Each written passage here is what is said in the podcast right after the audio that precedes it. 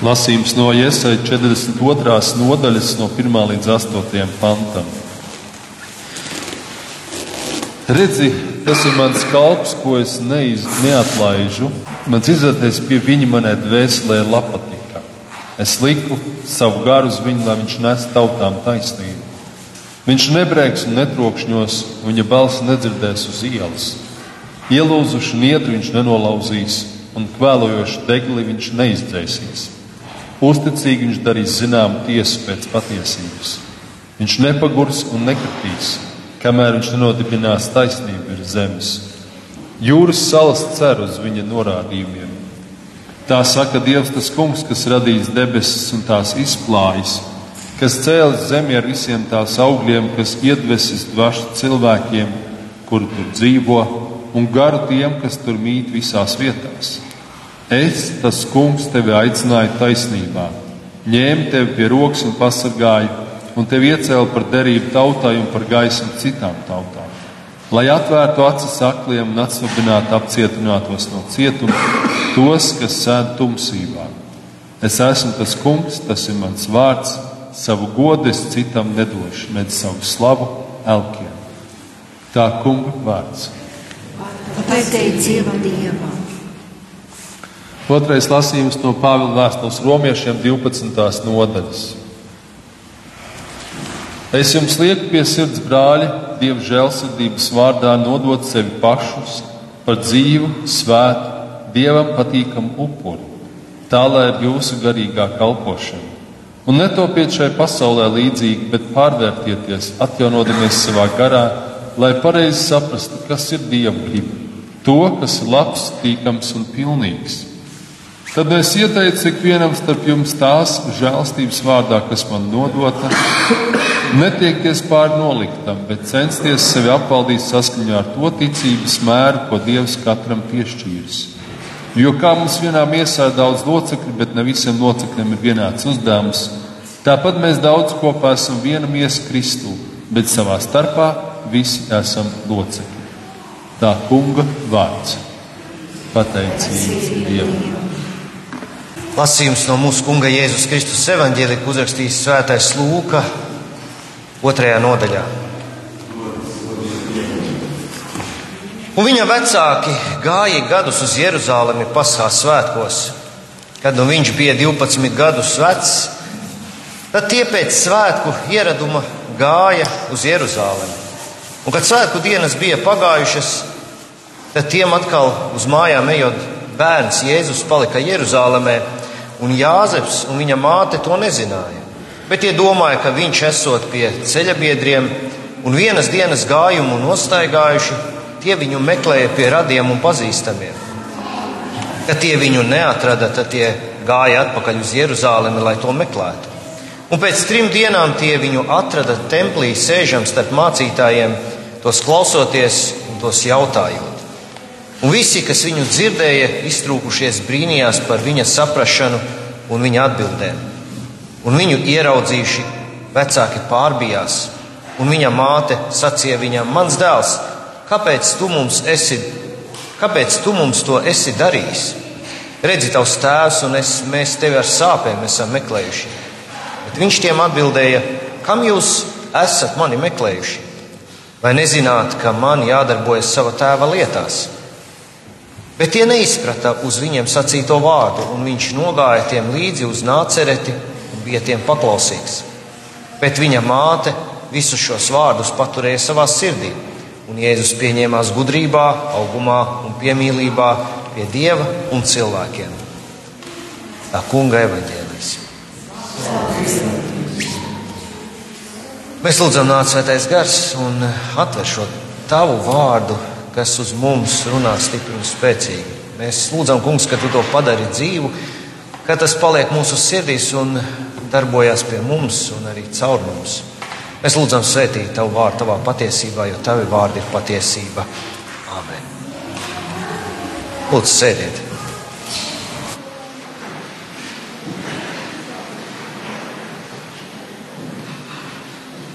Šis ir pirmais dievkalpojums šajā gadā.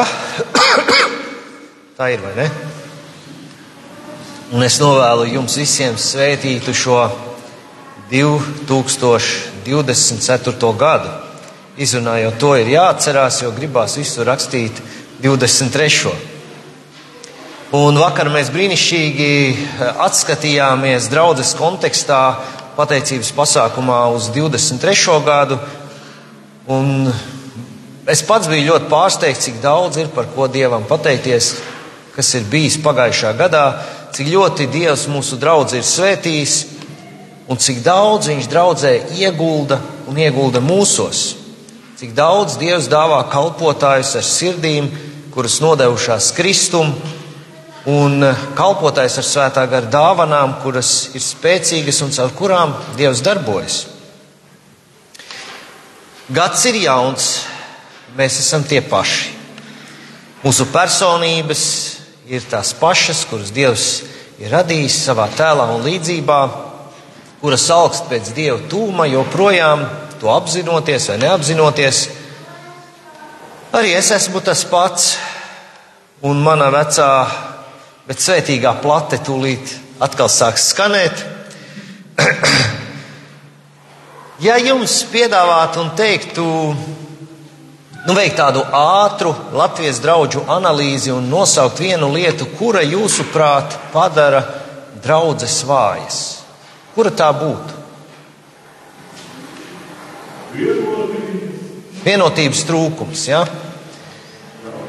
Varbūt ne tik plaši kā teikt grēks, bet nu, tā kā valdis. Viens vienotības trūkums. es teiktu, ka tas ir pasaulīgums. Tas ir pasaulīgums. Vienotības trūkums tas ir vēl kaut kas cits, un varbūt tas arī padara mūs vājus. Šīs svētdienas tāds temata mērķis ir parādīt šīs krasās atšķirības starp to, ko Bībele sauc par pasauli, tās domāšanu un būšanu Kristū un viņa evaņģēlijā. Nu, jūs dzirdat, vecā plate. Bet tā ir ļoti, ļoti svarīga lieta. Vienkārši sakot, pasaulīgums ir, ka kristieši pārāk mīl pasauli, kas tiem traucē dziļi būt Kristū. Runa ir par kristiešiem. Pasaules mīlestība kristietim liek būt virspusējam kristietim. Pasaulīgums liek izpatikt pasaules procesiem, neskatoties uz to, ka tie pretrunā ar Dieva vārdu. Un mēs varam domāt, piemēram, vai Latvijā vien ir 35,000 kristiešu, jo tik vien ir parakstījušies pret šo notariāta likumu, kuri pārējie, vai tie ir vienaldzīgi, vai tie piekrīt, ka šis likums ir labs, pareizs. Grūti to ir pateikt. Pāvils mūs mudina nelīdzināties pasaulē. Pasaulīga domāšana, pasaulīgi mērķi, tiekšanās ļoti stipri atšķiras no tāda cilvēka, kas ir Kristu.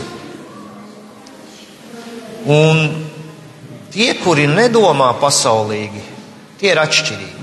Un pasaule tos nepieņem. Te varbūt jāpiebilst, ka mēs nekļūstam uh, automātiski kristīgi, padarot sevi atšķirīgus no citiem vai atšķirīgus pasaulē. Tas neko nedosim, nedos, ja mēs būsim atšķirīgi, es nezinu, staigājot saplēstās drēbēs vai uzkarinot sev eglīšu spuldzītes ap kaklu. Bet mēs kļūstam atšķirīgi, tojoties Kristu. Un šo atšķirību mēs nevaram nekā novērst. Un daudz kristiešu to cenšas novērst, bet tas ir par tādu cenu, ka tad ir jākļūst pasaulē līdzīgam.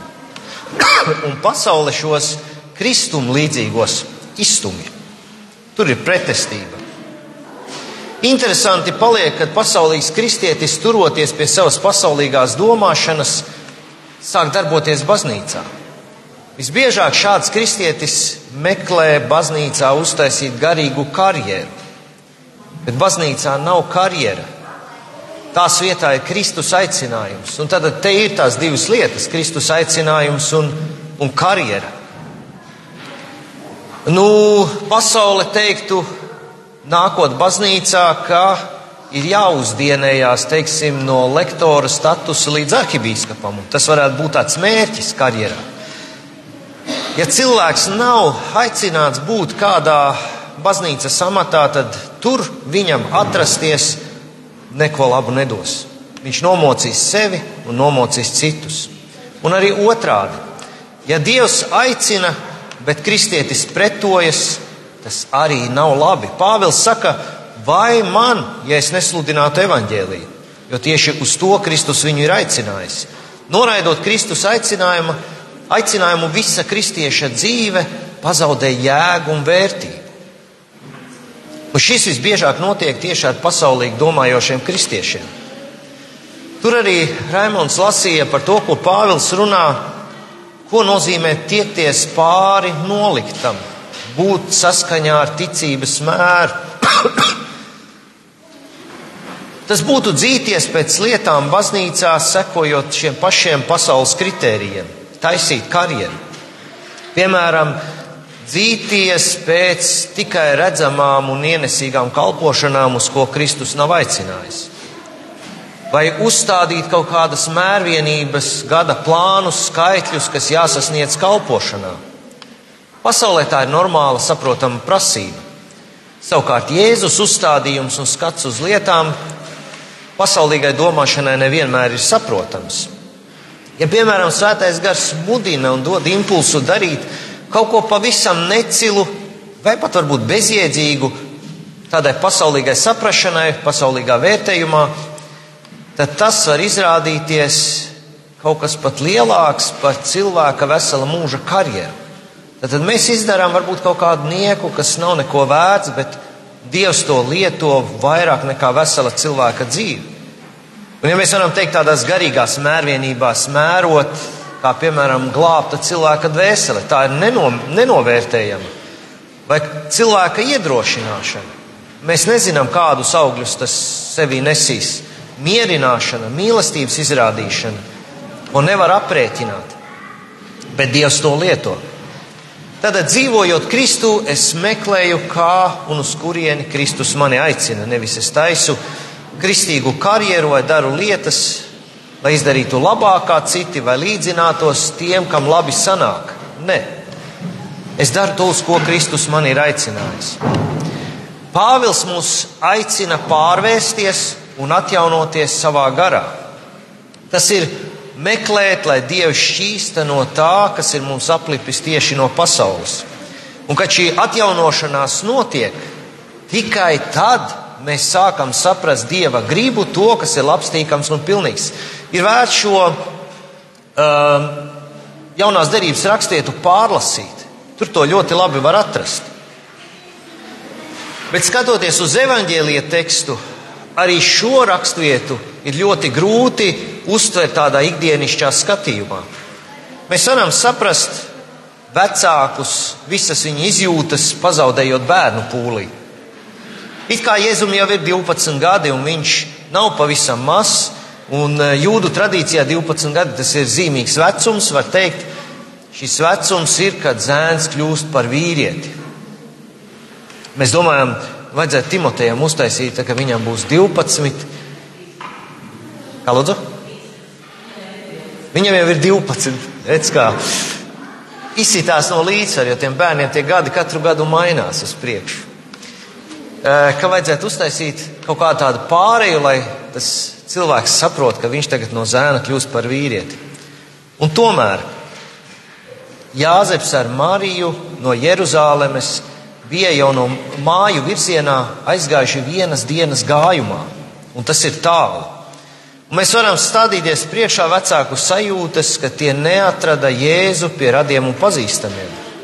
Es domāju, vēl briesmīgākas sajūtas viņiem bija, kad viņi ieradās Jeruzālēmē dienu nostaigājuši un kopā trīs dienas nevarēja Jēzu atrast. Un tad, kad viņi atrada, Jēzu, tad loģiski Marijai bija attieksme, kas tev kaiš dēls, kādēļ tu mums to tādu, kaut ko tādu nodarīji? Ko mēs teiktu savam bērnam pēc šāda izgājiena? Mēs varam domāt, kas, kas mūsos varētu darīties. Un šis piemērs un arī citi atgadījumi Bībelē rāda to, ko Pāvils saka, lai mēs skatāmies uz lietām caur svēto garu, nevis pēc tā, kā pasaules, pasaulē lietas vērtē. Un šādi, šādi kā Jēzus darīja, no vienas puses, ja vienkārši bērns kaut ko tādu izdara, mēs sapraus, saprotam, vai nu vai nu šis bērns ir pilnīgi salauzts, vai, vai, vai atstumts no saviem vecākiem, vai vecāki viņam kaut ko ir nodarījuši. Ka, nu, bieži vien bērni mūk no mājām, vai, vai vienkārši aiziet no vecākiem. Vai vecāki šādam bērnam neko nenozīmē? Vai arī bērns rīkojas kā svēts, kā Jēzus Kristus? Otra tāda bērna kā Jēzus nav, un mums nav ar ko salīdzināt viņu. Jēzus ir bērns, kurš spēj sekot sava dieva tēva gribai, neskatoties ne uz ko. Es domāju, ka tieši Jāzeps ar Mariju pazaudēja pavadienu to, ka Jēzus ir dieva dēls. Un viņiem šķita, ka viņi ir tie, kas procesus kontrolē, ka no viņu gādības ir atkarīga Jēzus drošība. Un šādas lietas uzkarina prātus. Un tas ir tādēļ, ka mēs mēģinām par garīgām lietām domāt līdzīgi kā par pasaulīgām. Tur, kur darbojas Dievs, pasaulīga loģika uzkaras. Jūs zināt, kas ir uzkaras? Uzkaras es ar to domāju, nu kā dators. Mēs kaut ko darām, darām, un tad pelīt vairs nekustās, viss paliek statiska bilde, mums jāslēdz ārā tas dators. ir vērts vismaz situācijās, kuras mēs saprotam, ka ir vajadzīgs šis garīgais skats, ir pakonsultēties ar Svēto garu. Ko tu par to domā? Šādi uzkārās arī Pēteris, kad Jēzus teica, tur mācekļi salasījušies ap Jēzu, un viņš viņiem stāsta, ka viņš ies uz Jeruzālemi, viņu šaustīs un nokaus. Loģiski, ka Pēteris to nevēlas. Un iespējams, ka ik viens būtu rīkojies tieši tāpat, un mēs varbūt būtu teikuši Jēzu un to pašu, ko saka Pēters. Vismaz vēlējuši, kā Pēters kungs, lai tev tas nenotiek. un šeit tev Jēzus atbilde uz Pētera attieksmi ir atkāpies no manis sātana. Kur tas āķis? Bet tas āķis ir tajā, ka Pēteris, arī Jāzeps un Marija īpaši izmisuma situācijā, kur bija vajadzīgs to ieraudzīt garīgā plāksnē, kā Dievs uz to skatās, kur bija vajadzīga Dieva vadība, viņi sekoja savam miesas prātam. Iejaukties, glābt, pagriezt situāciju tā, lai es jūtos droši, ka mani mīļie ir drošībā. Ir reizes, ka šādās situācijās mēs sevi nostādām Dieva vietā. Mēs aizmirstam par to, ka ir Dievs un Viņš visu kontrolē. Dievam bija pilnīgi cits skats uz šīm lietām. Jēzus, Jēzu pamatā sargāja pats Dievs, arī tad, kad viņš palika Jeruzālēmē un Jāzeps ar Mariju viņu meklēja. Viņš lietoja ļoti daudz Jāzepu un Mariju daudzās dažādās lietās pie Jēzus viņa dzīvē, bet Dievs bija galvenais, kurš gādāja par viņiem visiem. Un arī situācijā ar Pēteri Pēteris Dievu atstūma malā un ņēma situāciju savās rokās, nerēķinoties ar to, ka Dievam ir plāns izglābt cilvēci caur grēku piedošanu Jēzus Krusta nāvē. Un Pēterim, nu, kā mēs jau saprotam, mēs dzīvojam 2000, vairāk kā 2000 gadu pēc šo notikumu, bet mēs varam iedomāties Pētera domāšanu, kā tas uzkarina kaut ko tādu salikt galvā no, pie tāda maza notikuma. Kas būtu noticis, ja būtu bijis tā, kā gribēja Pēters? Pat grūti stādīties priekšā. Neviens netiktu izglābts. Caur vienu šādu mazu Pētera vadīšanos pēc miesas garīgās lietās, Sātans gribēja nolaupīt cilvēcei pestīšanu. Un es domāju, cik svarīgi ir pajautāt svētajam garam šādās situācijās, ko tu gribi, lai es daru, cik liels pagrieziens var notikt. Tieši tāpat kā Pēteris, Marija un Jāzeps, arī mēs brīžiem nespējam garīgi paskatīties paši uz sevi un savu dzīvi. Kas es esmu Dievā? Tas nozīmē, Viņš gādā par manu veselību, iztiku, labsajūtu, visām pārējām lietām. ne es tas esmu. No manis nav viss atkarīgs. Mēs līdzīgi kā Jāzeps un Marija un Pēteris ik pa laikam ņemam situāciju savās rokās. Un ja viss izdodas, mēs slavējam sevi. Ja neizdodas, mēs apvainojamies uz Dievu. Cik šādas situācijas ir klasiskas un muļķīgas. Lai pārslēgtos, ka mēs uz visu skatāmies kā Dievs, uz lietām, uz notikumiem, uz cilvēkiem, mums ir jāsamazina tieši šī pasaules ietekme uz mūsu domāšanu. Šī pasaulīgā domāšana tā īstenībā aizved eh, mūs pie elddievības. Un tam, kam Dievs nav noteicošais viņa dzīvē, noteikti ir kaut kas, no kā viss ir atkarīgs. Jautājums vien, kas tas ir? Un tas arī ir šī cilvēka elks. Kā mazināt šo pasaules, šo pasaulīgo domāšanas ietekmi uz mūsu dzīvi? Es domāju, ka pietiek, ka mēs sākam ar to, ka mēs samazinām tās ietekmi mūsu domāšanā. Jo grūtākais ir izdarīt tieši šo, ka mēs atsakāmies no mūsu spriedumiem, kā vienīgiem pareiziem, un savu skatu uz lietām, bet visā konsultējamies un jautājam Jēzum, ko viņš par to visu domā. Nākamais ir turēt visu laiku sirdī, ka es esmu atkarīgs no Dieva. Es esmu atkarīgais Un mana atkarība, ar ko es lepojos, ir trīsvienīgais Dievs.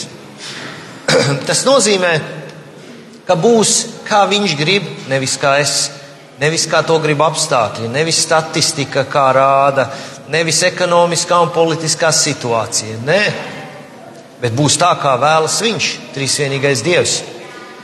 Un es zinu, ka mani un tevi Viņš mīl, un mēs esam labās pozīcijās Dieva acīs. Viņš ir apsolījis man un tev darīt labu, neatkarīgi no tā, ko es daru un ko tu dari. Un šis ir Jēzus Kristus evaņģēlijs, ka mans grēks nevar vairs mani pazudināt. Tieši evaņģēlīja dēļ, dēļ tā, ka Jēzus par maniem grēkiem ir nomiris, dod to, ka man ir miers un izlīkšana ar Dievu. Miers un izlīkšana. Mēs ar Dievu esam draugi.